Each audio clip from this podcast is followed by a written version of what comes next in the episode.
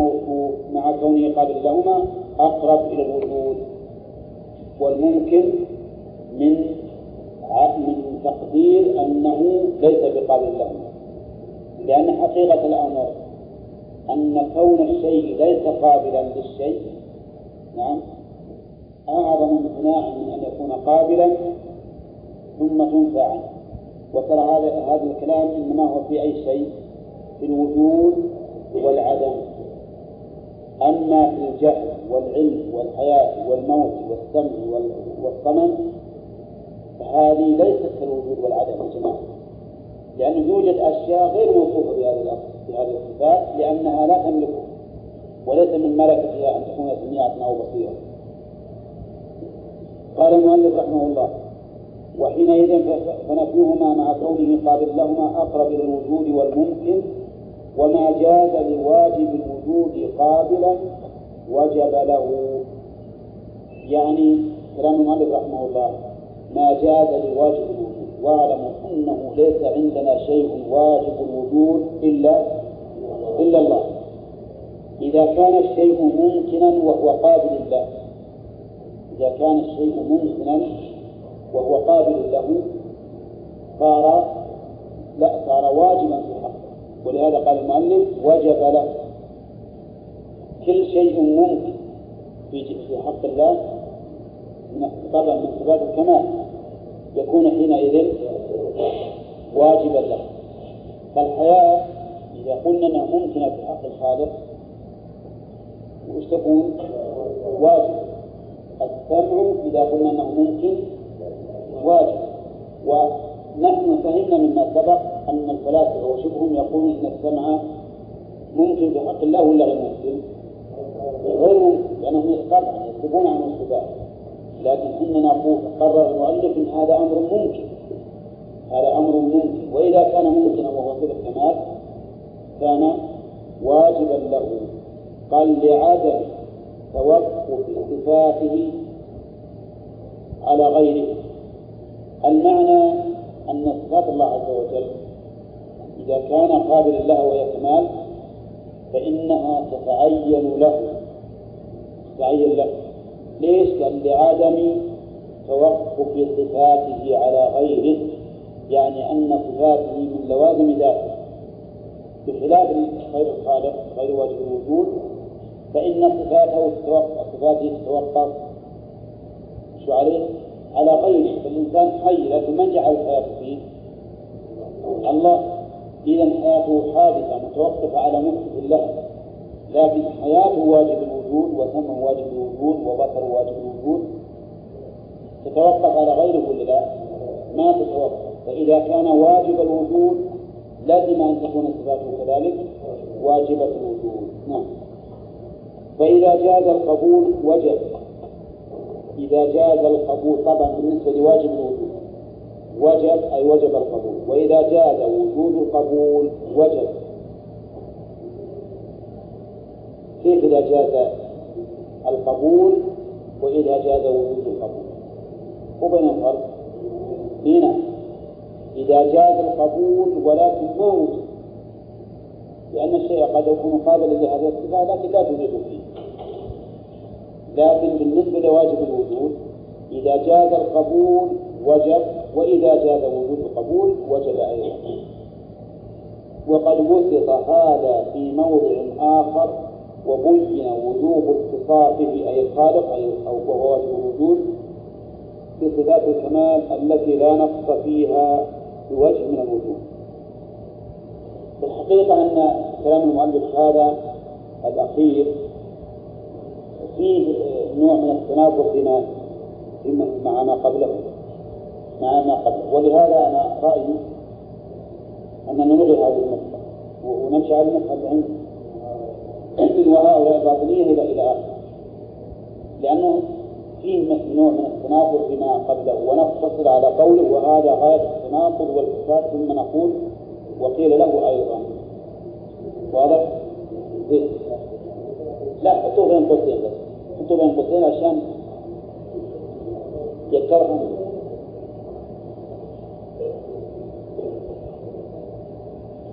طيب. وقيل له أيضا قيل له لمن؟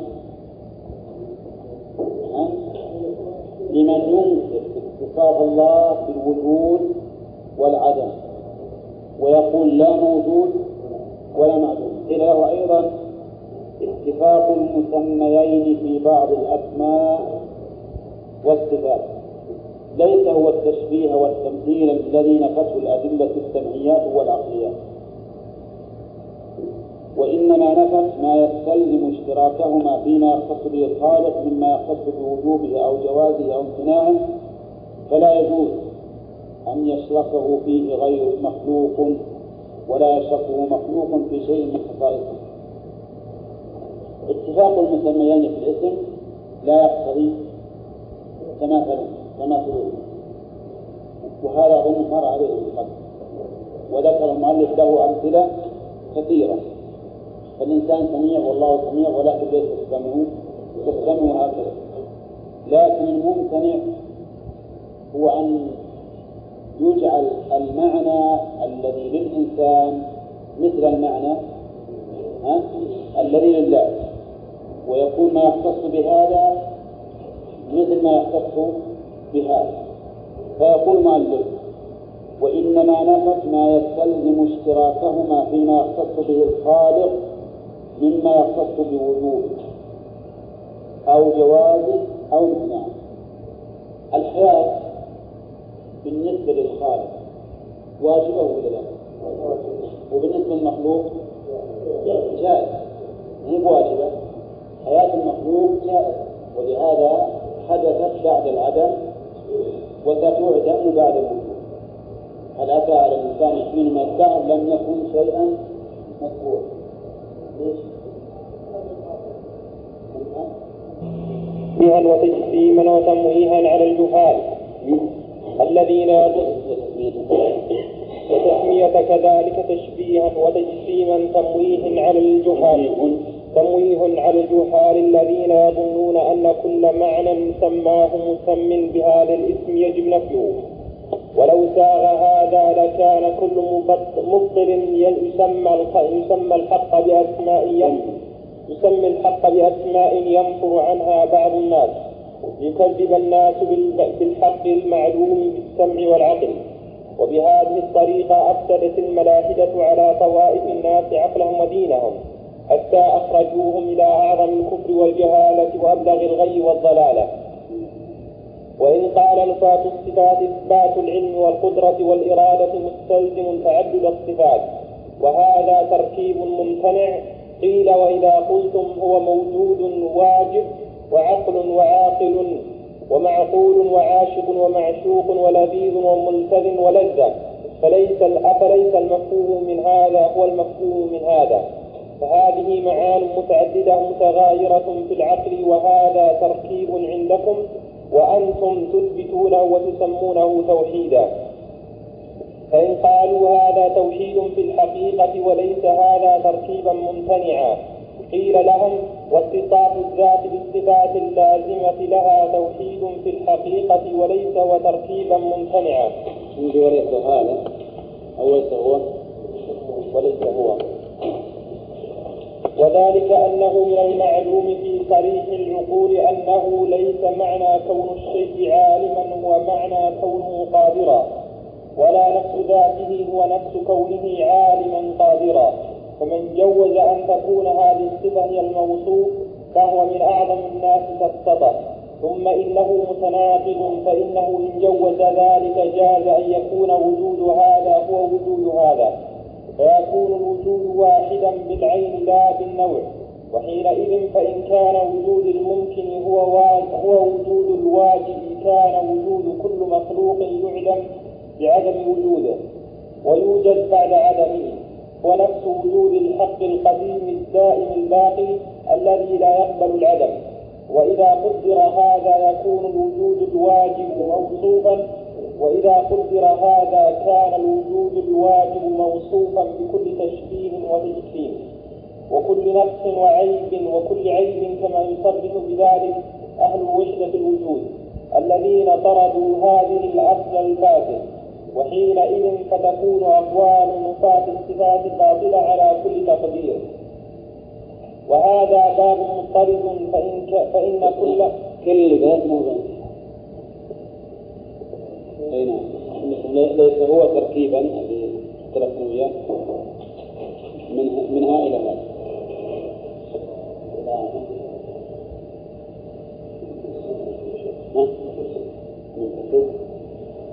تسمحوا لي ادخل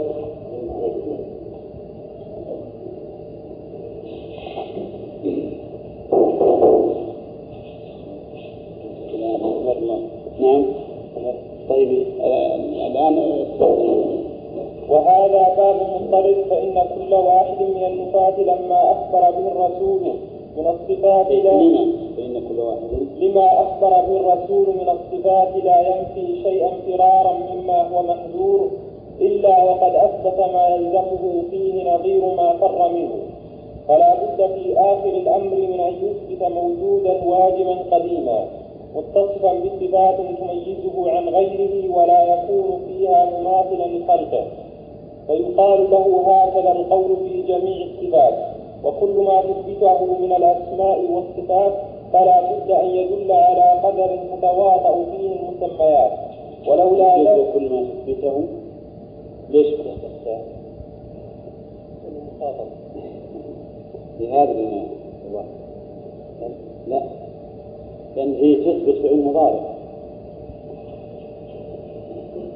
السنة فعل ولا ولا ولا موجب لنفسه. وكل ما ظنيت انك فاهم ان هذه فعل ماضي وتكلم مخاطب وكل ما تثبته من الأسماء والصفات لا بد أن يدل على قدر تتواطأ فيه المسميات. على قدر. على قدر تتواطأ فيه المسميات. ولولا ذلك لما فهم الخطاب. ولكن نعلم أن ما اختص الله به وامتاز عن خلقه أعظم مما يخطر بالبال أو يدور في الخيال.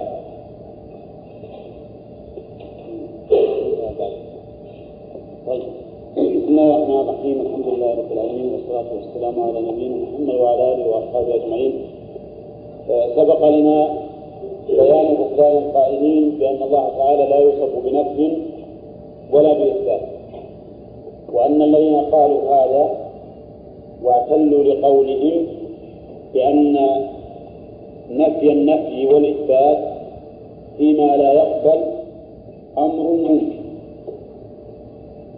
أولا نفي النفي والإثبات فيما لا يقبل أمر ممكن كنفي الجهل والعلم عن الجماد والشجر وما أشبه وأنهم أجيبوا على ذلك بجوابين. أحدهما أن هذا الذي قالوه لا يمكن في باب الوجود والعدم لأن تقابل الوجود والعدم ليس تقابل ملكة وعدم ولكنه تقابل سلب وإيجاب بمعنى أنه إذا سلب أحدهما لا بد من وجود الآخر. وإذا وجد أحدهما لا بد من انتفاء الآخر.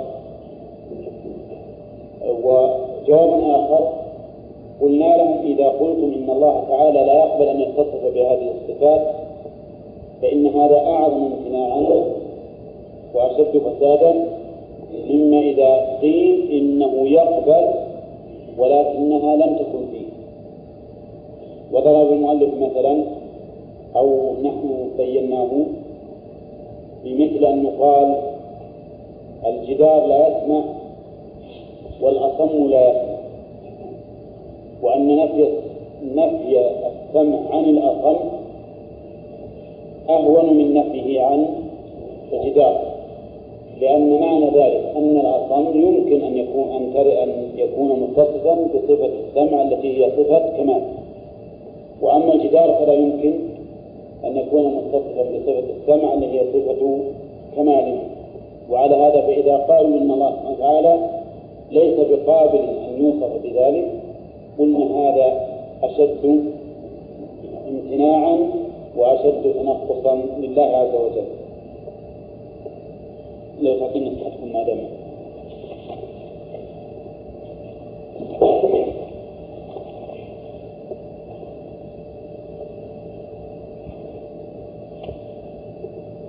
يقال أيضا آه، وبين المؤلف فيما سبق وهذا شرحناه اتفاق المسميين في الاسم لا يدل على اتفاقهما فيما يختص به كل واحد. وضرب المؤلف أمثال كثيرة في أول هذا الكتاب. ثم قال المؤلف رحمه الله وأما ما نفيته من هنا نبدأ أظن. وأما ما نفيته فهو ثابت بالشرع والعقل. وتسمية كذلك تشبيها وتسليما تمويه على الجهال نعم. يقال للباطن ويقال لغيره. كل من نفى شيئا يجب إثباته. حتى الأشاعرة نقول لهم هذا الكلام. وحتى المعتزلة نقول هذا الكلام. وأما ما نفيته يعني أيها المعطل أو أيها الناس أيا كان نفيه سواء كان نفيا كليا أو نفيا جزئيا وسواء كان نفيا لما يمكن أو لما لا يمكن. يقول فهو ثابت بالشرع والعقل. أما ثبوت هذه الصفات بالشرع وهذه الأسماء بالشرع فهذا أكثر من أن يحصر. وما أكثر الأدلة الدالة على ثبوت أسماء الله وصفاته. وأما ثبوت ذلك بالعقل فقد سبق أن الأشعرية يثبتون من الصفات سبعا بالعقل فيوافقون فيوافقون أهل السنة والجماعة في ذلك. وثبت أيضا وسبق أيضا أن أهل السنة والجماعة يثبتون ما نفاه الأشعرية شو؟ بالعقل أيضا. فيقولون إن دلالة العقل على ما نفيتم أو على بعضه على الأقل أعظم من دلالة ما ذكرتم. نعم مثل الرحمة والحكمة وما إلى ذلك. يقول فهو ثابت من الشرع والعقل. وتسمية كذلك تشبيها وتسليما تمويه على الجهال.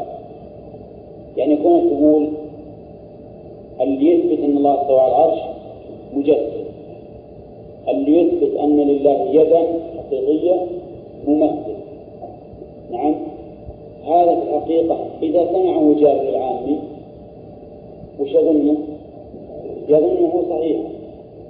فيموه عليه بهذا الكلام ولهذا من جملة العبارات التي المشهورة عندهم إن الله منزه عن الأغراض والأبعاد والأعراض. اللي يفهم الكلام هذا الكلام حلو طيب. منزه عن الأغراض والأبعاد بعد والأعراض. الأبعاد يريدون بذلك اليد والوجه والعين وما أشبهه. والأغراض الأغراض بالغين يريدون بذلك نفي الحكمة نفي الحكمة عن الله. والأعراض جميع الصفات مثل النزول والاستواء على العرش والضحك والغضب والرضا وما إلى ذلك. وهذه أعراض تحدث وتزول والله تعالى منزه عن هذه الأشياء. عندما يقرأ العامي مثل هذا الكلام يقول هذا هو الحق هذا هو الحق لكنه تمويه كما قال المؤلف تمويه على الجهال الذين يظنون أن كل أن كل معنى سماه مسمي بهذا الاسم يجب نفيه. الأغراض بالغيب والأغراض والأبعاد. قال الذين يظنون أن كل مسمى أن كل معنى سماه مسمى بهذا الاسم يجب له. بهذا الاسم يشير إلى التمثيل والتجسيم وهم يظنون إن كل معنى سماه الإنسان تمثيلا أو سماه تجسيما فإنه يجب نفيه. نعم. ولو ساغ هذا لكان كل معطل يسمي الحق بأسماء ينفر عنها بعض الناس ليكذب الناس بالحق المعلوم بالسمع والعقل. ها؟ لكان كل مبطل نعم. يسمي الحق بأسماء ينفر عنها بعض الناس ليكذب الناس بالحق المعلوم بالسمع والعقل. لو ساغ هذا يعني لو جاء لو جاء نقول كل شيء يخالف ما نرى. نصفه بعين لكن كل واحد يريد أن ينفر الناس. نعم. يصف قوله بالعين الآن أهل السنة والجماعة عند أهل التعطيل وش يسمون؟ يسمون مشبهة. وأهل السنة والجماعة عند أهل التشبيه يسمون معطلة. يسمون معطلة. وأنتم عطلتم النصوص. الواجب إثبات النصوص على التشبيه مثلا. قال وبهذه الطريقة أفسدت الملاحدة على طوائف الناس عقلهم ودينهم حتى أخرجوهم إلى أعظم الكفر والجهالة وأبلغ الغي والضلال. بهذه الطريقة ما يعني بالطريقة يا جماعة؟ طريقة التمويه والدجل وتشويه الحقائق. أفسدت الملاحدة على الناس عقولهم وأديانهم. حتى صاروا متشككين في الدين وفي العقيدة السليمة. وهذا لا يزال الآن لا يزال موجودا بالنسبة للملل. حتى الآن النصارى مثلا يشبهون على المسلمين فيما يتعلق بأحكام الإسلام وكذلك اليهود وكذلك الملاحدة كلهم يشبهون بمثل هذه التمويهات والعبارات التي يظنها الظان وإن قال نفاة الصفات إثبات العلم والقدرة والإرادة مستلزم تعدد الصفات. وعد و و وهذا تركيب ممتنع. لاحظ أيضا هذا طريق آخر لنفاة الصفات.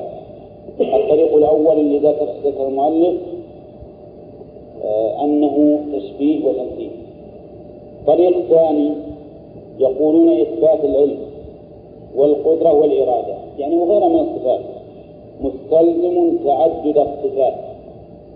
أن يكون الموصوف له علم بعد؟ وقدرة وإرادة وسمع وبصر وحياة وما أشبه ذلك.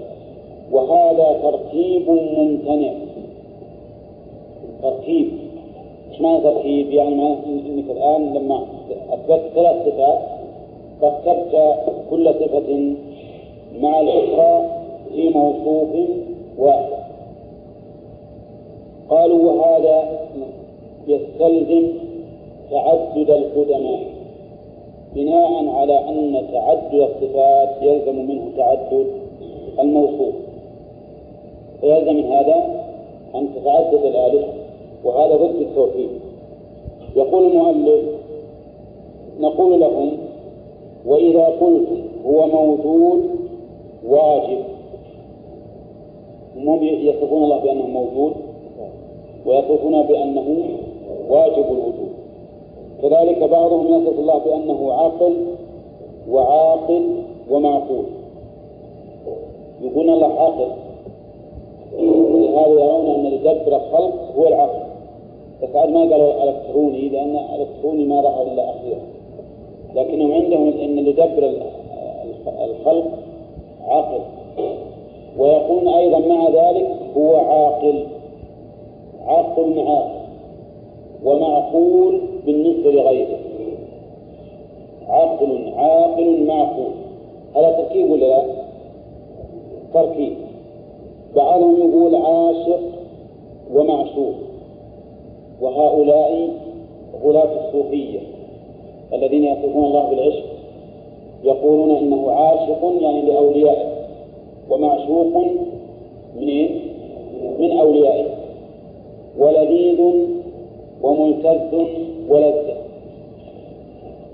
هذا أيضا عند عند بعض الصوفية لأن كلمة العشق واللذة وما إلى ذلك هذا من غلاة الصوفية يقولون إن الله تعالى موصوف بهذه الصفات. يقول الشيخ الإسلام نقول لكم إذا قلتم هذا أفليس المفهوم من هذا هو المفهوم من هذا؟ المفهوم مما قلتم هو المفهوم مما نفيتم. وش الجواب؟ نعم بلى. الجواب إن المفهوم من هذا أنتم الآن ركبتم ركبتم واجب الوجود من كونه موجودا بعد؟ واجب الوجود. من كونه عقلا وعاقلا ومعقولا. من كونه عاشقا ومعشوقا. من كونه لذيذا وملتزا ورزقا هذه تركيبات ومع ذلك أنتم مقرون بها. فالذي يفهم من هذا الذي ذكرتم هو الذي يفهم مما ذكرنا فإن كان ما ذكرتم حقا لا يلزم التركيب فما ذكرناه كذلك. وإن كان ما ذكرناه موجب أو موجبا للتركيب وليس بحق فما ذكرتمه أيضا موجب للتركيب وليس بحق. فهذه معان متعددة متغايرة في العقل وهذا تركيب عندكم وأنتم وأنتم تثبتونه وتسمونه توحيدا. في الحقيقة هذا الكلام المؤلف ورد عليهم بما يقولونه وما يعتقدونه. وبالنسبة للرد المعقول البسيط أن نقول من المعلوم أن تعدد الصفات لا يستلزم التركيب ولا ولا يستلزم التعدد فأنتم بأنفسكم نصف الواحد منكم بأنه حي وبأنه عالم وبأنه قادر وبأنه مبصر وبأنه سامع. فهل إذا قلنا للواحد منكم بهذه الصفات يلزم أن يكون شخصا مركبا من أشخاص؟ ولا لا؟ عقلا لا. عقلا وواقعا نعم. فإذا إذا كان تعدد الصفات في المخلوق لا يلزم منه تعدد الذات ولا التركيب. ففي الخالق من باب أولى وكل إنسان يعرف أننا نصف الإنسان بأنه طويل أو قصير أبيض أو أسود نعم وبأنه قوي أو ضعيف وقادر أو عاجز إلى آخره. ومع ذلك لا يلزم منه تعدد ولا تركيب هذا الجواب الذي ذكرناه الأخير هذا جواب معقول بسيط لكن عدل المؤلف عنه لماذا؟ ليخاطبهم بما يثبتونه. فيقول أنتم الآن تثبتون للخالق صفات متعددة ومع ذلك تسمونه توحيدا لا تركيبا.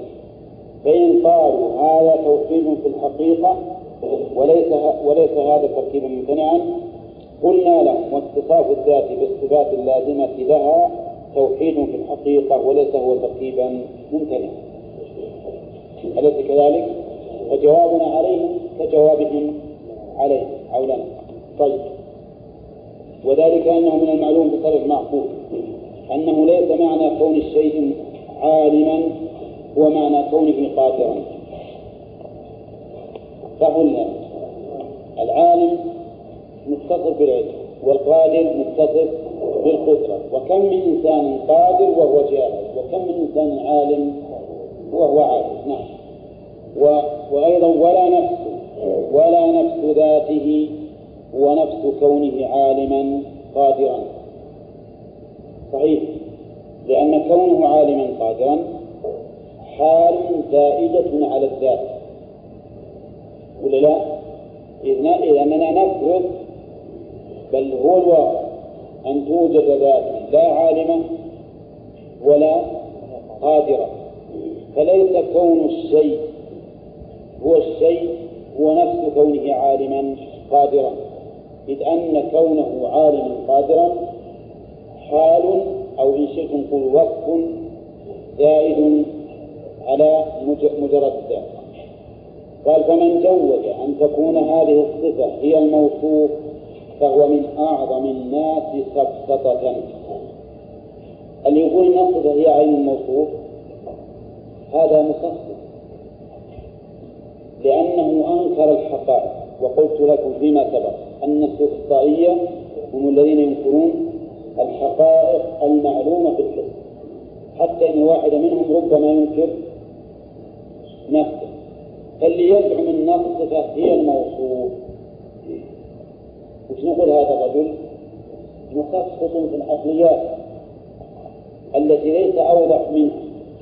والسبب هم أنهم قالوا إن تعدد الصفات لتلزم التركيب وضد التوحيد لأنهم يرون أن الصفة هي عين عين الموصوف إذا قلنا عالم فهذه ذات قادر هذه ذات سميع هذه ذات عليم نعم بصير هذه ذات.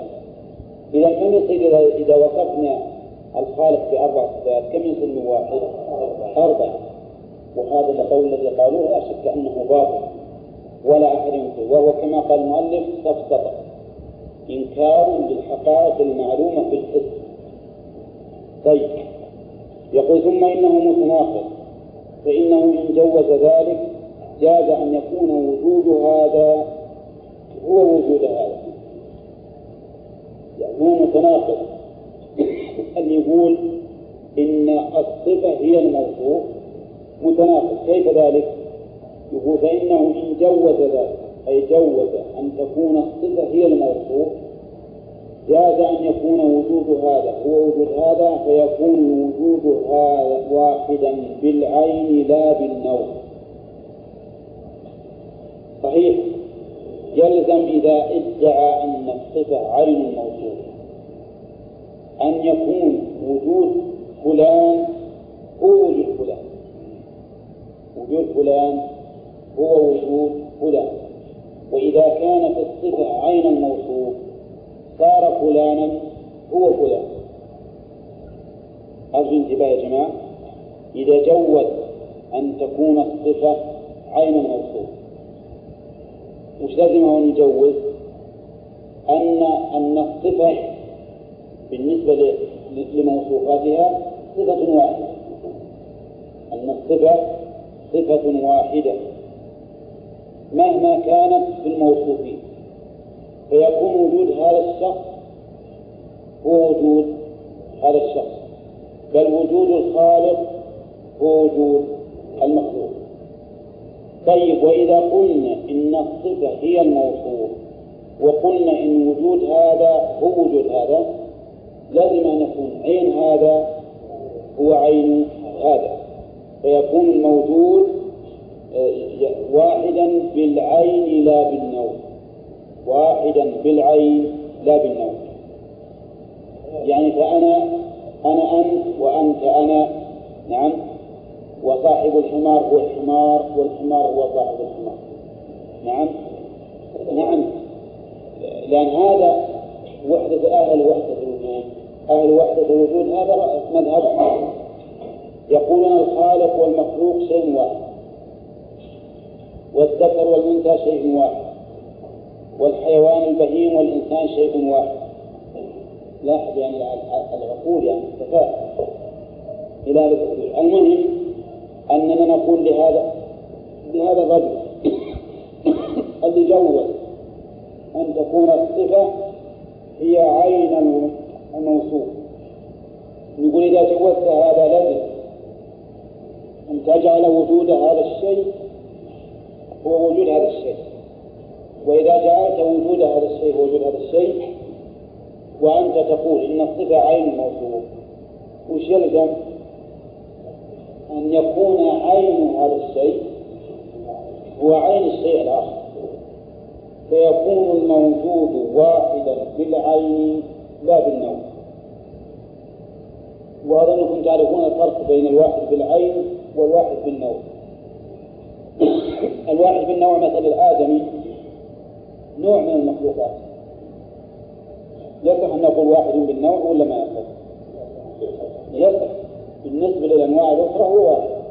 نوع واحد آدمي. وذاك نوع ثاني بعيد. ذاك نوع ثالث بقرة.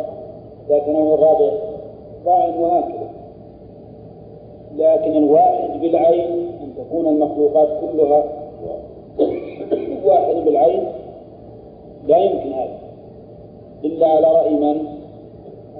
على رأي وحدة. الوجود نعم ولهذا يقول المؤلف وحينئذ فإذا كان وجود الممكن هو وجود الواجب كان وجود كل مخلوق يعدم بعدم وجوده ويوجد بعد عدمه الظاهر أن فيها تحريف. إذا كان وجود الممكن هو وجود الواجب. الممكن عندهم المخلوق والواجب الخالق. إذا قلنا إن الوجود شيء واحد وأنه يلزم من اتحاد الوجود اتحاد الموجود في عين ولا في نوع؟ حاله في عين. وش لازم؟ يقول فإذا كان وجود ممكن هو وجود الواجب كان وجود كل مخلوق فيها هذا الثمانية مستقيمة العبارة. كان وجود كل مخلوق يعدم نعم الظاهر يعدم بعد وجود من موجود كل العبارة هذه من موجود كان وجود كل مخلوق يعدم بعد وجوده هذا الظاهر ويوجد بعد عدمه بدل ما قبله ما بعده. إذ كان وجود كل مخلوق يعدم بعد وجوده.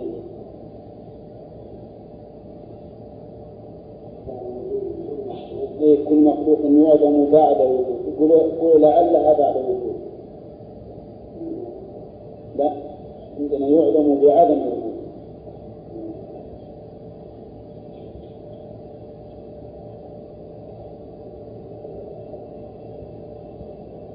كل مخلوق يعدم بعد وجوده. ويوجد أي وجوده بعد عدمه. هو نفس وجود الحق القديم الدائم الباقي الذي لا يحل العدم هذا انتبه نعم. لا كان مستقيما العبارة الثانية ويوجد بعدمه بعد عدم مستقيم. أرجو انتباه يا جماعة. إذا الآن وصلنا إلى أن الوجود واحد. بالنسبة لمن؟ للممكن والواجب.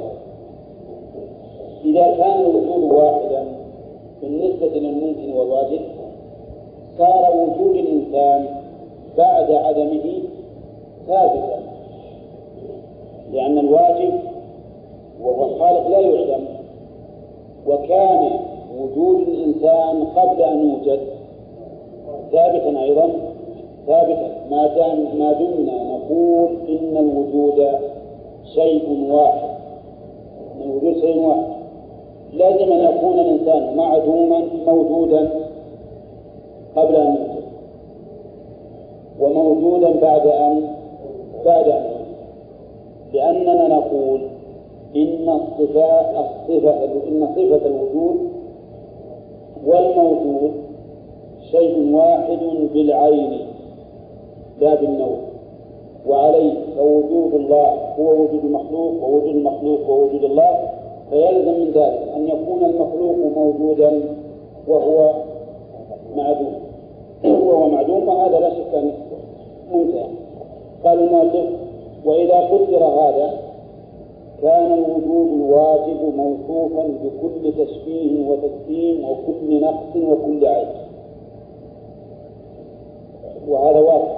إذا قدر هذا صار الواجب الذي هو الله واجب الوجود موصوفا بكل تشبيه وتسليم لأنك جعلت وجود الخالق هو وجود المخلوق وجعلت الخالق هو المخلوق وهذا تشبيه ولا لا؟ أعظم تشبيه وأعظم تسليم وأعظم نقص أيضا لأنه والعياذ بالله يجعلون الخالق هو نفس الكلاب والحمير والخنازير والذئاب والسباع وغيره.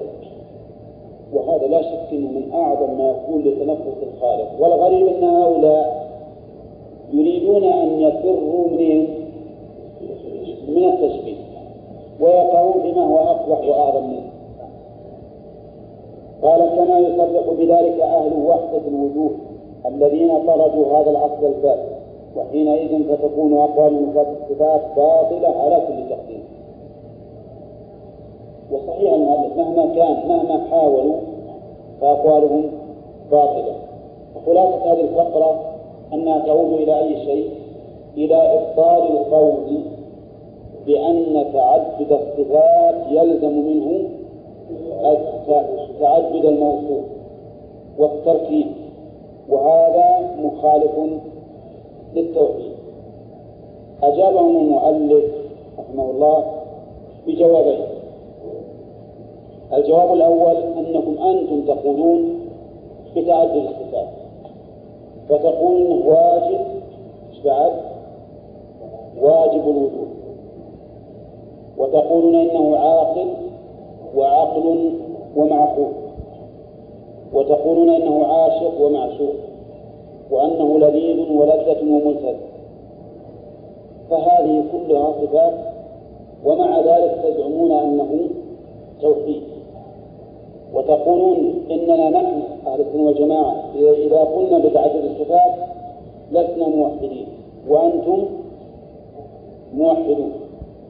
فإذا يلزم يلزم فيما نفيتم نظير ما يلزمكم فيما أثبتم فإما أن تثبتوا الحق الجميع وإما أن تنفوا الجميع.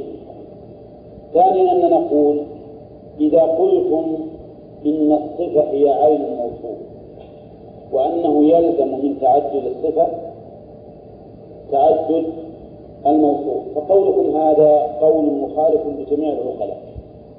كل يعرف أن الصفة ليست عين الموصوف. ليست عين الموصوف. ولا لا؟ كل يعرف أن العلم ليست هي العالم. ولا لا؟ بل كل إنسان يعلم أن العالم ليس هو الذات.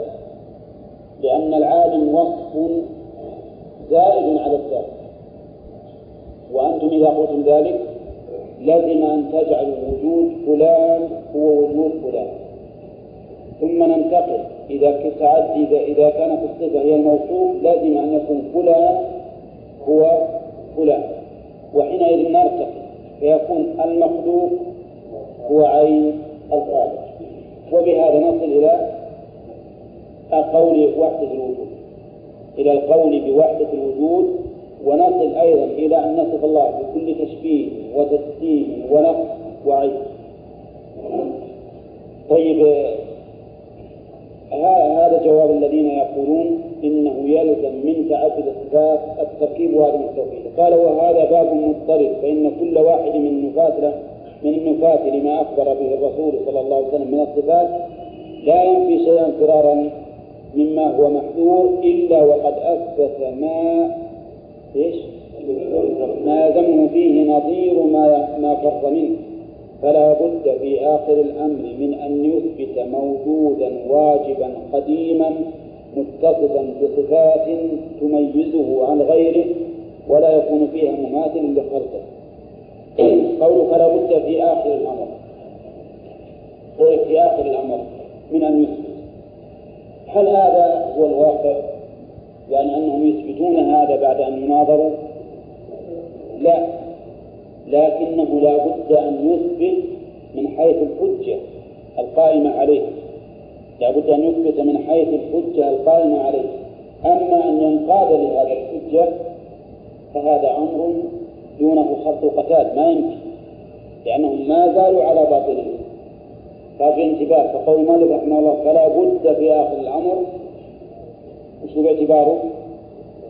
باعتبار إقامة الحجة عليه لا بد أن يرجع ويثبت موجودا متصلا بصفات تميزه من غيره لكن حقيقة أن ذلك لم يكن وما زالت هذه الأقوال موجودة الآن وما زال لها متمسكون بها فيقال له هذا هكذا القول في جميع الصفات وكل ما أثبته من الأسماء والصفات وكل ما تثبته أو ما أثبته؟ ما تثبته من الأسماء والصفات فلا بد أن يدل على قدر تتواطأ فيه المسميات. ولولا ذلك لما فهم الخطاب. يقول المؤلف كل ما يثبت من الأسماء والصفات. فلا بد من قدر مشترك تتواطأ فيه المسميات. يعني مثلا السمع السمع لله سمع وللإنسان ولا لا؟ لا بد من قدر مشترك بين سمع الخالق وسمع المخلوق. وش السمع المدرك؟ المشترك؟ هو إدراك إدراك المسموع لكن هل إدراك المسموع بالنسبة للخالق كإدراك المسموع بالنسبة للمخلوق؟ لا. إذا فلا بد أن يكون هناك تمييز يقول المؤلف وهذا معنى مهم.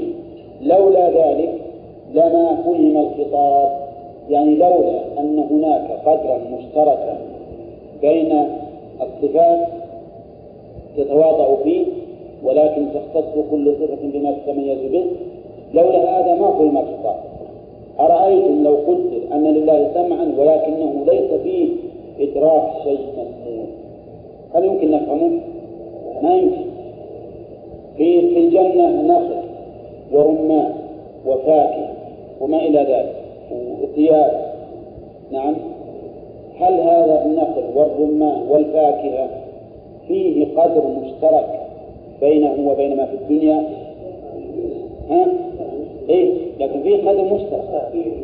لولا القدر المشترك اللي بين هذا وهذا ما فهمناه أبدا. كما ندري وش الرمان ولا ندري وش النخل نعم. لكن حقائق ذلك لا تشبه حقائق ما في الدنيا. لا تشبه حقائقه. لأن الله يقول فلا تعلم نفس ما أخفي لهم من قرة أعين جزاء بما كانوا يعملون. لا بالمسمى بالمعنى الأعم. بالمعنى الأعم لا. بالمعنى الأعم. حتى الهيئة ربما يكون الهيئة قد تكون من مثل هذا الشكل. كما نجد الآن آه، رمان وبرتقال مختلف كله مسمى واحد لكن يختلف. إنما معنى القدر المشترك المعنى الأعم. الآن قضيتكم أنتم يا البنك هذا اللي يقول آه، الإنسان حيوان ناطق.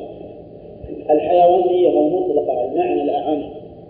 يشترك فيها الإنسان والجمل ولا لا؟ والذئب والشاة. المعنى الأعم الحيوان. لكن حيوانية الإنسان ليست حيوانية. البعير مثلا. نعم. والفصل المميز عند المناطق هو أنه ناطق. ولا كله حيوان. ولكن الصحيح أنه وإن كان وإن اتفق في القدر المشترك لكن حيوانية الإنسان ليست في نوعه كحيوانية البهائم.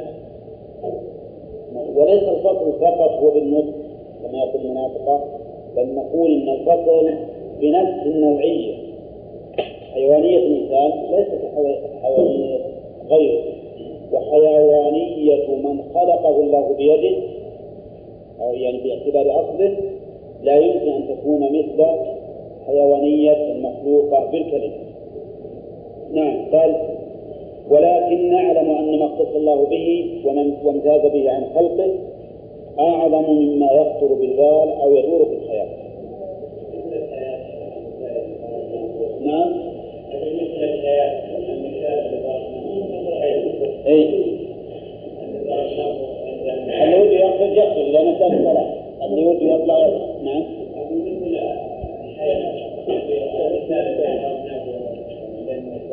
نعم. اي هنا بالمعنى الأعم مشترك بالمعنى الأعم من الحياة لكن تختلف حياة الخالق عن حياة المخلوق. وكذلك القدرة والسمع والبصر واليد والوجه والعين وغيرها كلها وإن اشتركت في الأصل في أصل المعنى لكن تختلف وتتميز. نعم.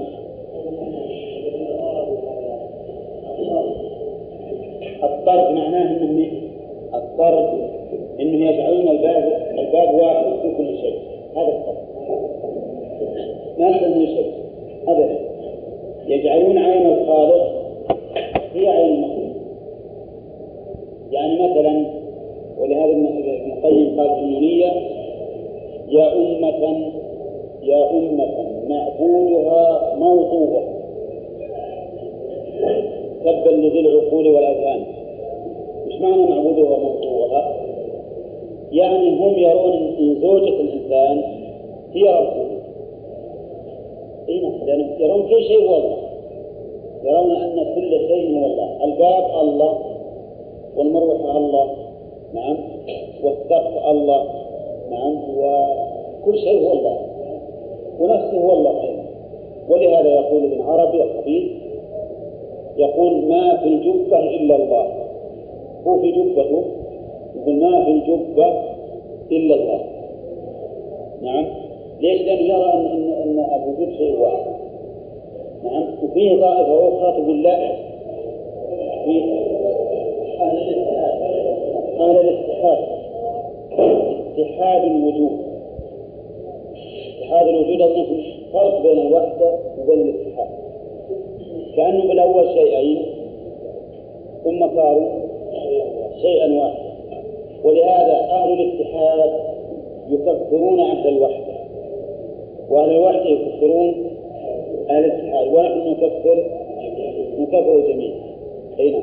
اللهم قال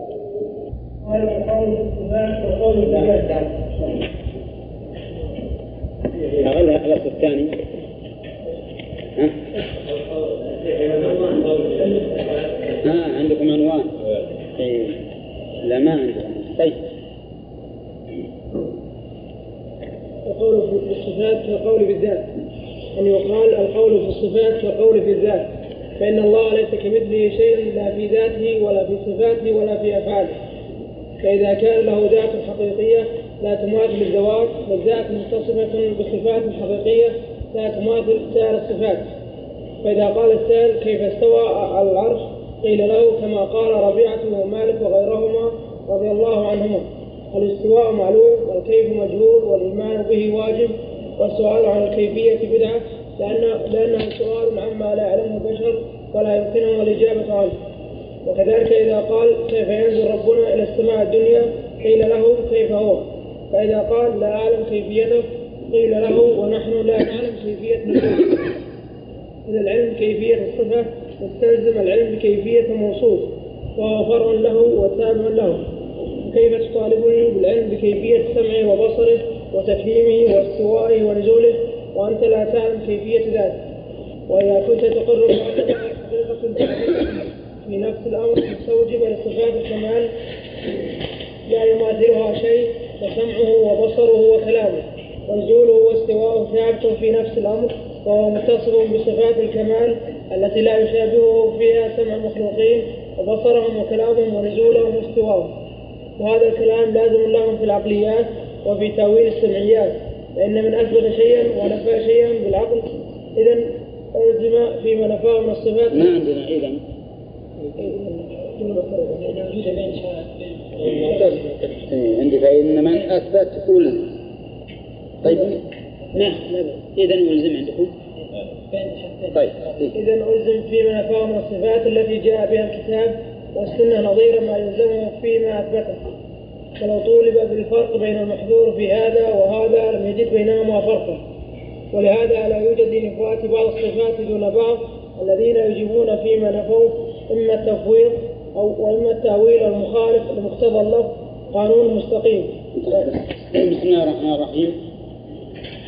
بعد ما سبق من إجابات المؤلف على كل الأقسام الثلاث وهم الذين يثبتون بعض الصفات وينكرون بعضا ويثبتون جميع الأسماء. وهؤلاء من؟ اللي يثبتون جميع الأسماء وبعض الصفات دون بعض. هذا الشاعر نعم. وكذلك أيضا أجاب عن الذين يثبتون الأسماء دون الصفات. وهم المعتزلة وأجاب عن الذين ينكرون الأسماء والصفات. ويصفون عن النقيضين وهؤلاء هم الغلاة من الفلاسفة وغيرهم. نعم. أجاب عن هؤلاء الطوائف كلها بإجابات لا يمكن التخلص منها لهؤلاء. وكل هذا تابع للأصل الأول. وهو أن القول في بعض الصفات كالقول في بعض. قال وهذا يتبين بالأصل الت... بالأصل الثاني. عندكم الجملة هذه ولا لا؟ إيه نبي عندكم؟ عندي هذه. اي والله طيب إذا كتبتوها وهذا يعني ما ذكر. لا ما عندي عنوان. نعم. لا بس وهذا يتبين بالأصل الثاني وهو أن يقال القول في الصفات كالقول في الذات. وهذا يتبين بالأصل بالأصل الثاني. وهذا يتبين بالأصل. نعم. لا لا قبل العنوان قبل العنوان. يمكن اللي عندكم العنوان إنه مختصر شوف اللي عندي. وهذا يتبين بالأصل الثاني وهو أن يقال القول في الصفات كالقول في الذات فإن الله ليس كمثل شيء.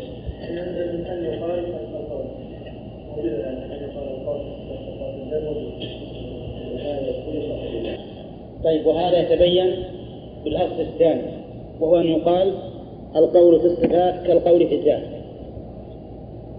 وهذا المشار إليه الأصل الأول وهو أن القول في بعض الصفات كالقول في البعض الآخر يتبين أيضا ويتضح بشيء آخر وهو أن القول في الذات كالقول أن القول في الصفات كالقول في الذات كيف القول في الصفات كالقول في الذات؟ يعني معناه أننا نقول في الصفات كما يقول هؤلاء في الذات فإن الله ليس كمثله شيء لا في ذاته ولا في صفاته ولا في أفعاله. مسلم هذا ولا لا؟ ليس كمثله شيء لا في ذاته ولا في صفاته ولا في أفعاله. لا أحد يشابه الله في شيء من ذلك. والأمر في هذا ظاهر. من يستطيع أن يخلق شمسا أو قمرا أو نجما أو ذبابا أو بعوضة نعم. لا أحد يستطيع. هذه من أفعال الله. لا أحد يستطيعها من يستطيع أن يقول للشيء كن فيكون؟ لا أحد يستطيع. إذا هذه من صفات الله. وذات الله تعالى أعظم من أن نحيط بها. فليس كمثله شيء.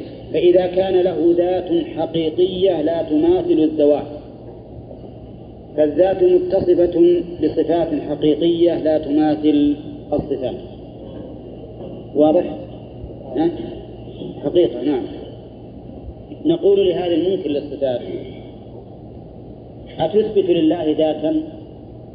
سيقول؟ لا. سيقول نعم ولا لا؟ لا. ولا نعم؟ لو قيل له أتثبت لله ذاتا؟ سيقول نعم. لا يمكن يقول لا لأنه لو قال لا لكفر وصرح بكفره نفى الخالق وسيثبت لله ذاتا نقول له هل هذه الذات التي أثبتها لله تشبه ذوات المخلوقين؟ سيقول لا. ليش؟ لأنه إنما فر من إثبات الصفات خوفا من من التشبيه والتمثيل فسيقول لا. لا تشبه ذوات المخلوقين. نقول له القول في الصفات كالقول في الذات. إذا فلله صفات لا تشبه صفات صفات المخلوقين. ولهذا يقول فإذا كان له ذات حقيقة لا تماثل الذوات فالذات متصفة بصفات حقيقة لا تماثل سائر الصفات. واضح؟ طيب. بقينا في شيء آخر. أثبتنا صفة لكن هل نثبت كيفية الصفة؟ لا أيضا. ما نثبت تكييفا لهذه الصفة. ولهذا قال فإذا قال السائل كيف استوى على العرش؟ الآن الذي يقول كيف استوى مثبت للاستواء. لكن يسأل عن أي شيء؟ عن الكيفية. كيف استوى؟ فإننا نقول له كما قال ربيعة ومالك وغيرهما رضي الله عنهم الاستواء معلوم. والكيف مجهول والإيمان به واجب والسؤال عن الكيفية بدعة. نعم ربيعة الشيخ مالك. شيخ مالك ربيعة بن عبد الرحمن. أي نعم هو شيخه ونقول الاستواء معلوم. الاستواء معلوم. كيف معلوم؟ من أي شيء؟ من حيث المعنى. من حيث المعنى معلوم. استوى في اللغة العربية تأتي بمعنى على وارتفع وبمعنى استقر. بمعنى استقر. قال الله تبارك وتعالى فإذا استويت أنت ومن معك على الفلك فقل الحمد لله الذي نجاك. استويت يعني علوت واستقررت. وقال تعالى لتستووا على ظهوره ثم تذكروا نعمة ربكم. إيش معنى تستووا عليها؟ تعلو وتستقر عليه. وقال تعالى واستوت على الجود. يعني استقرت عليه. طيب إذا لحظة لا صاعد صاعد وارتفع وعلى معناه واحد. ولهذا حذفنا صاعد وارتفع. نعم. هي فسرت عند السلف بأربعة معاني. ارتفع وصعد وعلى واستقر لكن صعد وارتفع وعلى معناه واحد. فنكتفي بالعلو. الذي هو معنى على. فنقول على واستقر. معنى استوى على واستقر. طيب. إذا الاستواء معلوم. من أي وجهة معلوم؟ من حيث المعنى. لأن معناه العلو والاستقرار. كلما رأيت استوى في اللغة العربية معداة بعلى فإنما معناها العلو والاستقرار. ولا تأتي بغير هذا المعنى. وقلنا له الكيف مجهول. ما هو بالكيف معدوم؟ الكيف مجهول. يعني له كيفية لكنها مجهولة. ما ندري كيف استوى و وفي واللفظ المشهور الكيف غير معقول. غير معقول. وهو أبلغ من مجهول. لكن كان المؤلف نقله بالمعنى أو إن هذه المروي عن عن ربيعة. أما مالك فالمروي عنه غير معقول يعني أنه لا يمكن أن يعقل ويدركه العقل. نعم. كما أن الشرع لم يأتي به أيضا. الإيمان به واجب. ليش واجب الإيمان به؟ لأنه جاء في كتاب الله وأجمعت عليه الأمة فوجب الإيمان به. والسؤال عن كيفية بدعة. طيب لماذا؟ لأنه سؤال عما لا يعلمه البشر ولا يمكنهم الإجابة عنه. هذا التعليل من المؤلف فيه نظر حقيقة. السؤال عنه بدعة. ما نقول لأنه لا يمكن الوصول إليه؟ لأن آه، ولا يمكن أن يعلمه البشر. لأن هذا التعليل يقتضي أن يكون الجواب والسؤال عنه تكلف. السؤال عنه تكلف محاولة للمحال لأنه ما يمكن يعلمه البشر. لكن نقول السؤال عنه بدعة لأنه لم يسأل عنه الصحابة والسلف الصالح. هل سأل الصحابة؟ هل سألوا هذا؟ هذا السؤال رسول الله صلى الله عليه وسلم؟ لا. إذا لو كان هذا من الدين لكانوا يسألوا عنه. أو يبين في كتاب الله وسنة رسوله فلما لم يرد بيانه في السنة ولا في الكتاب ولا في السنة ولا سئل عنه علم من ذلك أنه بدعة.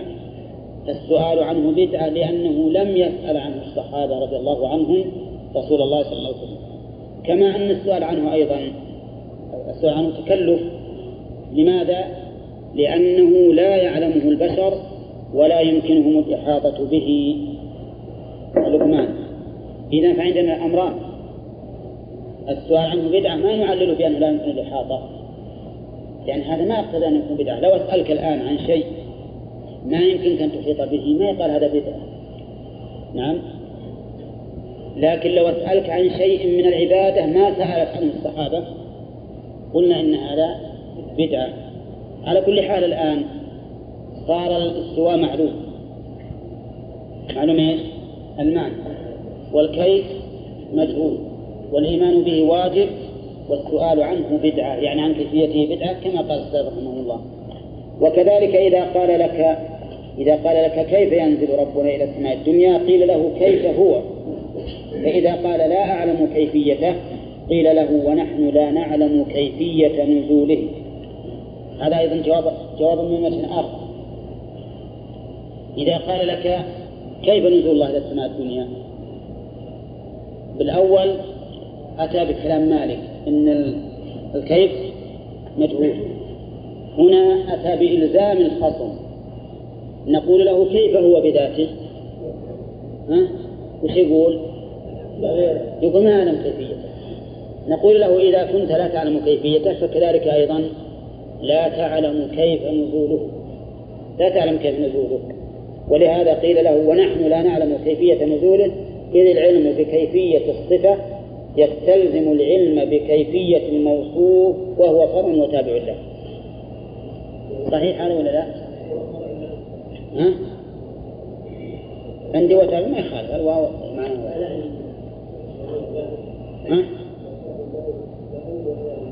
وهو فرع له وتابع له نعم إذا قال هذا النافي الذي ينفي الصفات بحجة التشبيه.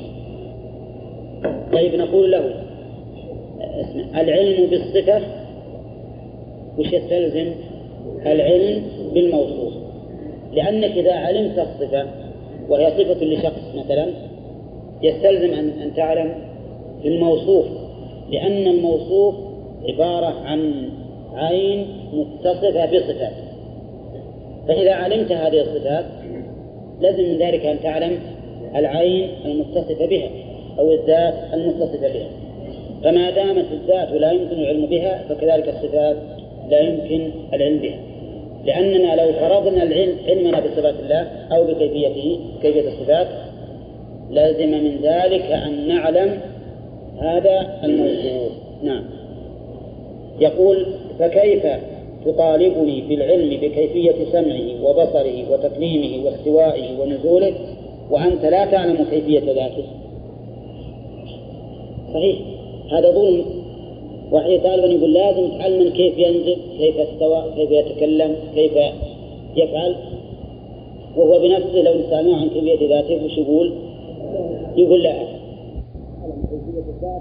فكيف تطالبنا نحن بالعلم بكيفية لو علمنا كيفية صفاته لازم من ذلك أن نعلم كيفية ذاته. وهذا الشيء عندك مستحيل. طيب. آه نقول يقول وأنت لا تعلم كيفية ذاته. وإذا كنت تقر بأن له حقيقة ثابتة في نفس الأمر مستوجبة لصفات الكمال لا يماثلها شيء فسمعه وبصره وكلامه ونزوله واستواؤه ثابت في نفس الأمر وهو متصف بصفات الكمال التي لا يشابهها فيها سمع المخلوقين وبصرهم وكلامهم ونزولهم واستواؤهم وهذا الكلام لازم له في العقليات وفي تأويل السمعيات. أظن إن شاء الله واضح الكلام. ها؟ أن نقول القول في الصفات كالقول في الذات. فما دام هذا النافي للصفات يثبت لله ذاتا حقيقة ويقول إن هذه الذات لا تشبه الذوات ذوات المخلوقين. نقول فل فلتثبت لله صفات حقيقة؟ نعم. كملوها. لا تشبه صفات المخلوقين لأن القول في الصفات القول في الذات. فكما أننا لا نعلم ذاته كيفيتها يعني فإننا لا نعلم كيفية صفاته. لأننا لو علمنا كيفية صفاته لازم أن نعلم كيفية ذاته لأن الصفة ثبات للموصوف طيب. يقول وهذا لازم هذا الكلام لازم لهم في العقليات وفي تقرير السمعيات. سبقا قلنا إن السمعيات هي الكتاب والسنة والعقليات هي ما يحكم به العقل الأمور النظريات هذه العقليات. فهو لازم لهم في النظريات ولازم لهم أيضا في تأويل السمعيات حيث قالوا مثلا المراد باليد القدرة. نقول ما يلزمكم في اليد؟ يلزمكم في القدرة. نعم. ما يلزمكم في اليد. هم يقولون اليد الحقيقية ما يمكن لأن الله يقصد التشبيه نقول أيضا والقدرة الحقيقية يقتضي التشبيه لأن الإنسان له قدرة. الإنسان له قدرة له قوة له نعمة. نعم وإذ تقول الذي أنعم الله عليه وأنعمت عليه. فإذا إذا أولتم لزمكم فيما أولتم نظير ما يلزمكم فيما نفيتم من من الحقيقة. كذلك أيضا في العقليات مر علينا أنهم إذا أثبتوا الإرادة وشوف طريقة إثبات الإرادة بالعقل. ها؟ التخصيص. نعم إذا قالوا إن تخصيص هذا الشيء بما يختص به دليل على الإرادة نقول لهم وما بنا من النعم وانتفاع النقم دليل مش عليه؟ على الرحمة التي أنتم تنكرونها. خليكم معنا الحين هو لازم لهم في العقليات. ومثال لزومه في العقليات ما سبق. كذلك أيضا في تأويل السمعيات. أنا أضرب لكم الآن مثلين في العقليات. قالوا إن العقل في الإرادة دل على الثبوت. بأي طريق؟ بالتخصيص. يعني يكون الله يخصص أجل هذا حارا وهذا باردا وهذا مضيئا وهذا مظلما إلى آخره. هذا دنيا على إيش؟ على الإرادة. إن له إرادة تجعل هذا على هذا الوضع وهذا على هذا الوضع. واضح ولا لا؟ وسبق. قلنا نحن أيضا نثبت الرحمة بطريق العقل. كيف ذلك؟ إثبات الرحمة بطريقة نفع العباد والإحسان إليهم ودفع الضرر عنهم يدل على رحمته أدل من من دلالة التخصيص على الإرادة مفهوم؟ طيب يلزمهم أيضا في السمعيات كيف؟ في تأويل السمعيات يقول مالك تأويل السمعيات يقولون المراد باليد القوة ليش ما تثبت الله يد حقيقية؟ قال لو تشبه يدا حقيقية شبهته بمن؟ بالمخلوق نقول يلزمك هذا في تأويلك أيضا وش تأويله؟ اليد بالقوة مثلا أو بالقدرة. نقول أيضا المخلوق له قوة وله قدرة. يقول الله تبارك وتعالى الله الذي خلقكم من ضعف ثم جعل من بعد ضعف قوة. وقال شعيب وزادكم قوة يزدكم قوة إلى قوته. فللإنسان أيضا قوة. فيلزمك فيما قلت نظير ما يلزمك فيما نفيت. واضح ولا لا؟ كذلك الذي ينكر الصفات كلها كلها. يلزمه أيضا في الذات في إثبات الذات ما يلزمه في إثبات الصفات. فإما أن ينفي الذات كما نفى الصفات وإما أن يقر بالصفات كما أقر بالذات. واضح يا جماعة؟ واضح. وترى هذا يعني لا تظنون هذه بس مجادلة كلامية أو عقلية هي في الحقيقة عقيدة. يعني يجب علينا أن نؤمن عقيدة مطمئنين إليها وشوبون في إثبات الذات لله وإثبات جميع ما ثبت له من الصفات على أنه حقيقة. وهذا لا لا يمنع من شيء أبدا. حتى في الأشياء التي تأتينا إن شاء الله بعض الناس ظن أنها تأويل فهي ليست بتأويل. كالذين يؤولون وما كان يمشي أتيته هرولا كذلك نقول يجب علينا نثبت هذا الشيء على الحقيقة. وأن الله يأتي هرولة ولكن هل نحن نعرف هرولة الله؟ ما نعرف. فأنت إذا مسكت هذا هذه الطريق استرحت من جميع التأويلات. من جميع التأويلات. إلا شيئا ينكره الواقع. مثل ما ورد في الحجر كما سيقول المؤلف أن من صافح من استلمه فكأنما فكأنما صفح الله. هذا معلوم أنه ليس المقصود بهذا أن الحجر هو يد الله. لا يمكن هذا. وش السبب؟ الحجر من الأرض مخلوق مصنوع موضوع في مكانه ما يمكن يكون هذا. وهذا شيء معلوم لأن لأن الحس يمنعه.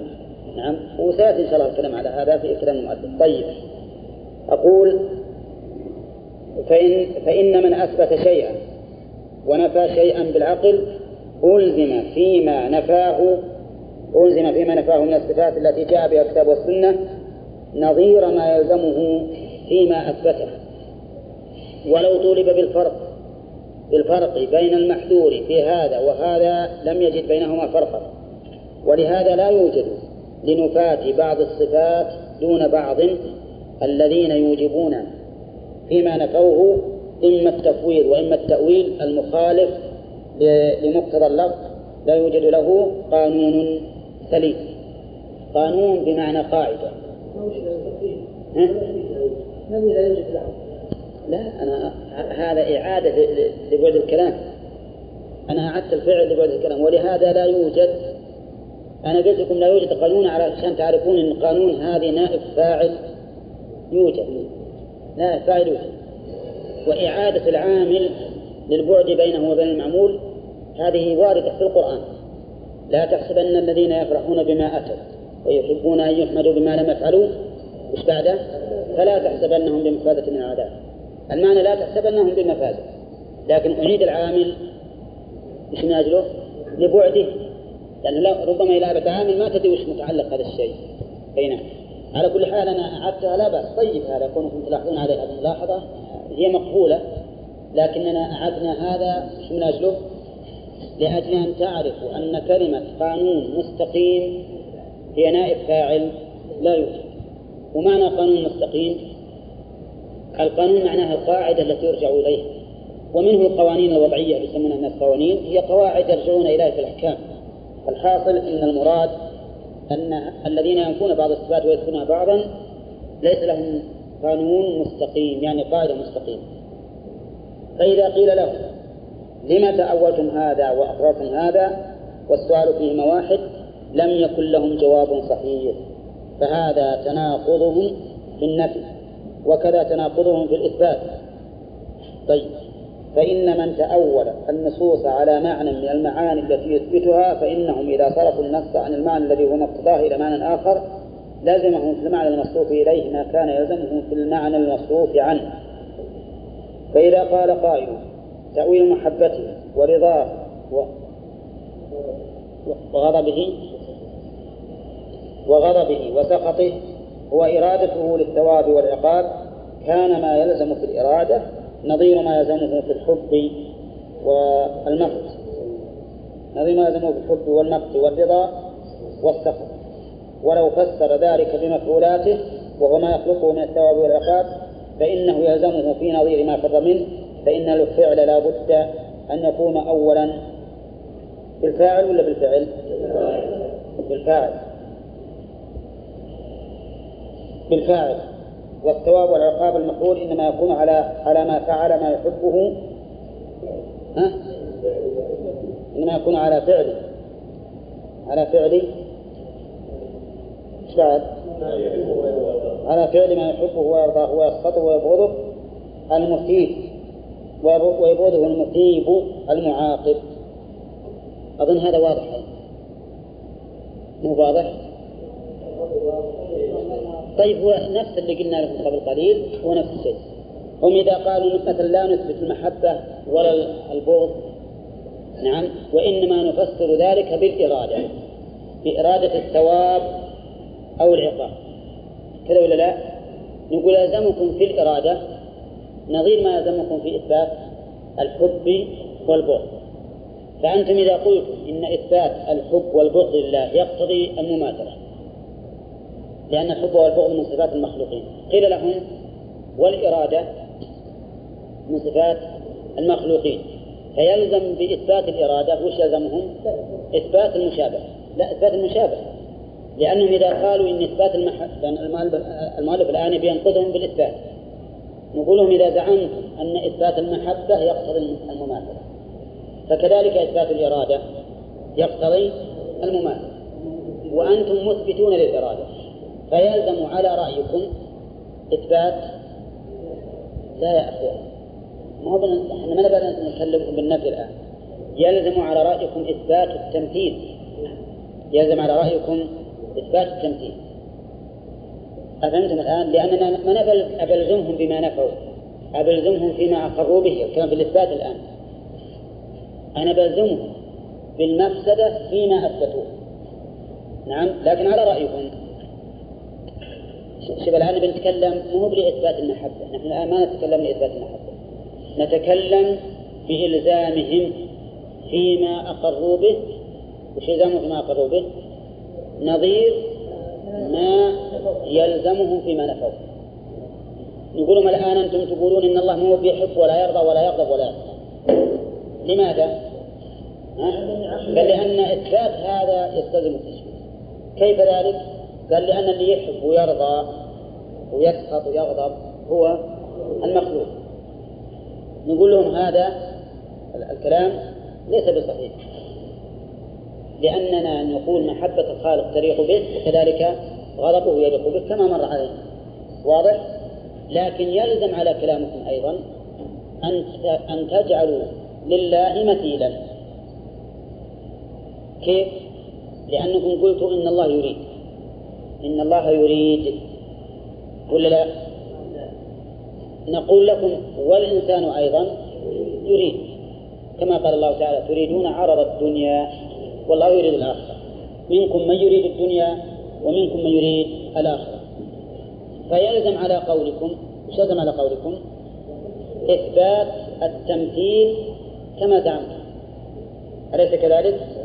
طيب إذا انفكوا عن هذا قالوا إذا نفسر المحبة والبغض بما ينتج عن ذلك من الثواب والعقاب. والثواب والعقاب مفعول مفعول لله. يعني يفسرون المحبة بالمفعول مو بالإرادة انتقلوا يعني. إذا انتقلوا من الإرادة وقالوا دعوا الإرادة. نخليه نفسرها بإيش؟ بالمفعولات لا بإرادتها. بالمفعولات لا بإرادتها وقالوا المراد بالمحبة الثواب مو بإرادة الثواب والمراد بالبغض العقاب الثواب والعقاب مفعول ولا صفة للفاعل؟ ها؟ الثواب والعقاب مفعول ولا صفة للفاعل؟ أي نعم مفعول ما فيها شك لأن الثواب إنسان عمل عندي عمل بعشرة ريالات. وأعطيته عشرة ريالات. هذا الثواب. هذا الثواب هو من صفتي ولا لا؟ لا مو من صفتي أنا. الإثابة من صفتي. لكن نفس الثواب مفعول لي وليس من فعلي. دراهم أعطيته إياه وراح. لو كان هذا من صفتي كان معناه شفت المقاطعة هذا ما هو من فعل هذا ليس هذا الثواب شيء بائن منفصل فيقولون نحن نفسر المحبة بالثواب. والغضب بشومه بالعقاب. لماذا؟ لأجل أن ينفكوا عما ألزمناهم به. يعني قلنا لهم أنتم الآن إذا فسرتم بالإرادة وقعتم بالتشبيه قالوا لا. ننتقل عن هذا التفسير ونفسر بأي شيء؟ بالثواب والعقاب. وأظنكم قرأتم في في الجلالين في قوله يحبهم ويحبونه قال يثيبهم. يثيبهم. فسر المحبة بأي شيء بالثواب. فرارا من أنه لو قال يريد ثوابهم لألزم بالإرادة أن يكون ممثلا. قال ما أقول أخلي المحبة ثوابا والثواب مفعول بائن ليس من صفة المثيب. المؤلف رد عليهم قال يقول ولو فسر ذلك بمفعولاته. وهو ما يخلقه من الثواب والعقاب فإنه يلزمه ولو فسر ولو فسر ولو فسر فسر من؟ المؤول فسر ذلك بمفعولاته وهو ما يخلقه من الثواب والعقاب فإنه يلزمه في يلزمه ها؟ يلزمه؟ أرجو واحد يتكلم بس يلزمه طيب في ذلك نظير ما فر منه زين. ذلك عندي ساقطة ولا ولا الماء. فإنه يلزمه في ذلك فإنه يلزمه في ذلك نظير ما فر منه في ذلك شوفوا. أي في ذلك التفسير. وش التفسير؟ تفسير هذه الصفات بالمفعولات. تفسير هذه الصفات بالمفعولات. طيب يلزمه نظير ما فر منه فإن الفعل لا بد أن يقوم أولا بالفاعل. صح ولا لا؟ الفعل الثواب ما يكون ثواب حتى تكون إثابة. ما يكون ثواب حتى تكون إثابة. إذا اتصاف الفاعل بالمفعول سابق على وجود المفعول. فمتى أقروا بأن الله بأن لله ثوابا وعقابا لازم أن يقروا بأنه مثيب ومعاقب وأنه موصوف بصفة الإثابة وبصفة العقوبة. ولهذا قال والثواب والعقاب مفعول إنما يكون على فعل ما يحبه ويرضاه ويسخطه ويبغضه المثيب المعاقب. شوف المثيب. فهذه صفة المعاقب كذلك. أرجو انتباه يا جماعة وهذا ما كنت أظن أنه صعب عليكم جدا. نعم؟ لا مو صعب.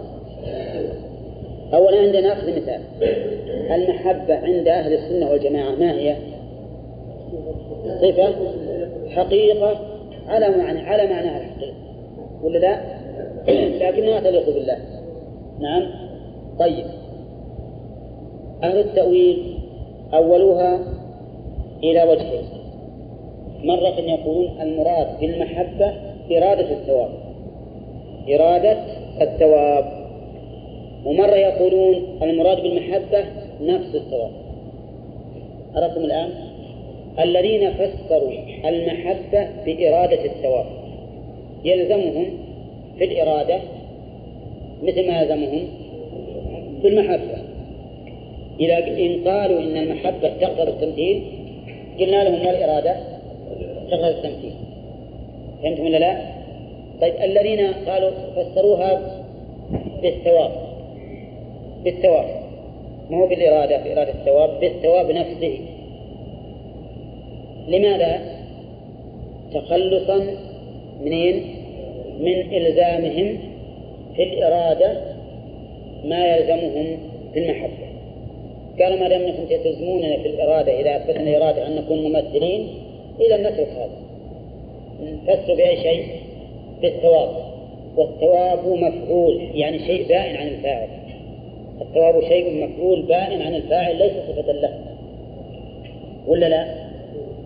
واضح لكم إنه مفعول أن المفعول بائن عن الفاعل؟ ها؟ إن المفعول بائن عن الفاعل واضح؟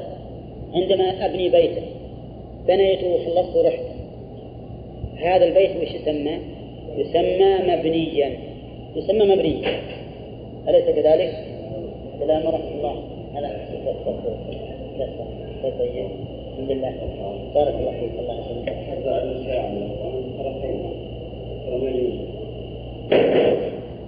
ساعة يقول لي ضايع الساعة هي عندنا أقول هذا البيت الآن يسمى مبني مبني يعني مفعول هل هو بائن من الباني ولا لا؟ بائن منه الثواب الذي يثيبه الله تعالى من من من يحب بائن من الله ولا غير بائن؟ بائن ولا لا؟ الآن إذا فسروا المحبة بالثواب صحيح أنه من حيث الظاهر انفصلت عن الله ولا لا؟ ولا هي من صفاته لأن المفعول شيء بائن عن الله لكننا نقول لهم هل يمكن مفعول بدون فعل؟ ها؟ قوله ما يمكن يوجد مفعول بدون فعل إذا فاتصاف الفاعل بإحداث المفعول لازم على وجود المفعول متى وجد المفعول فلا بد له من فاعل ولا بد للفاعل من فعل وحينئذ يكون أثبت لله صفة الفعل ولا لا؟ حينئذ يكون أثبت لله صفة الفعل فنقول أنتم الآن أثبتتم لله صفة فعل فهل تقولون إن هذا الفعل مثل فعل المخلوقين؟ ها؟ لا نقول يلزمكم أن تقولوا ما دام أنكم تقولون ما يمكن يوجد فعل ما يمكن يوجد صفة للمخلوق تثبت لله إلا وهي مشابهة إذا يجب عليكم أن أن يكون الله تعالى مشابها للمخلوق حيث أثبتم له فعلا حيث أثبتم له فعلا. فصار الآن مهما راحوا إلى أي جهة فإن التمثيل يلحقهم ويلزمهم ولا يمكن أن يتخلصوا منه إلا بالرجوع إلى الحق وهو إثبات الصفات الواردة على وجه الحقيقة من غير من غير تمثيل. أي نعم. نعم؟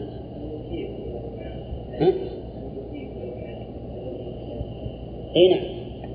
هي صفة. نعم. لا هي صفة فعلية. صفة فعلية. مثل ما نقول إن الله تعالى النازل المحيي المميت. أي نعم. المهم على كل حال يا جماعة فهمتم الآن؟ ترى هذه لا تقولون الآن فهمنا وأنتم ما فهمتوا لأن طبعا تتناقشون فيها سواء بالدرس القادم أو بعده لابد أن تناقشوا فصار الذين يثبتون بعض الصفات بعض الصفات بحجة أن إثبات إثباتها الذين ينفون بعض الصفات بحجة أن إثباتها يستلزم التشبيه وش يلزمهم؟ يلزمهم فيما أثبتوه لأن الآن بنتكلم معهم في باب الإثبات يلزمهم فيما أثبتوه وشو؟ نظير ما يلزمهم فيما نفوه كذا ولا لا؟ المحبة قالوا قالوا المراد بها إرادة الثواب قلنا لهم يلزمكم التمثيل يلزمكم التمثيل إذا فصلتموها بالإرادة أولا لماذا؟ لأن للمخلوق إرادة. وأنتم ما فررتم من من وصفه بالمحبة إلا حيث أن المخلوق له محبة. تقولون إثبات المحبة يستلزم التمثيل. نقول إثبات الإرادة يستلزم التمثيل على رأيكم. عدلوا عن هذا. وقالوا نفسر المحبة بالثواب والثواب شيء منفصل. ولا لا؟ الثواب شيء منفصل عن المبين عن عن المثيب. فهو أمر دائم منه. فلا تلزموننا الآن بالتمثيل لأننا فسرناه بالثواب وهو منفصل عنا. بماذا نقول ماذا نقول لهم؟ نقول طيب الثواب مفعول. ولا لا؟ الثواب مفعول. يعني الله هو المثيب له فهو مفعول. والمفعول لا بد له من فاعل والفاعل يقوم به الفعل. فلا يمكن يوجد مفعول إلا وقد قام الفعل بالفاعل قبل وجود المفعول ولا لا؟ فإذا يلزمكم الآن التمثيل حيث أثبتتم أن الله أن لله فعلا فإن للمخلوق أيضا فعلا كراما كاتبين يعلمون إيش؟ ما تفعلون يعلمون ما تفعلون فأنتم الآن وقعتم في التمثيل إذا ما وش يسوون الآن؟ لهم مفر ولا لا؟ ما لهم مفر. مهما راحوا جميع المؤولين المحرفين لدلالة الكتاب والسنة في صفات الله وأسمائه مهما فروا فإنهم واقعون. وشوفوا في نظير ما فروا منه. ما يمكن يتخلصون أبدا إلا إذا أثبتوا الحقيقة. نعم. طيب يقول فلهم فهم فهم إن أثبتوا الفعل. على مثل الوجه المعقول في الشاهد للعبد مثلوا وإن أثبتوا على خلاف ذلك فكذلك الصفات. إن قالوا إن الفعل مثل فعل المخلوق. ويلزمهم أن يقولوا بهذا. ها؟ وش يصير هذا؟ طيب. وإن قالوا لا الفعل على غير الوجه المعروف عند العبد. نقول كذلك أيضا الصفات. لا ذلك الصفات. يقول وإن أثبتوه على خلاف ذلك فكذلك الصفات. الله أعلم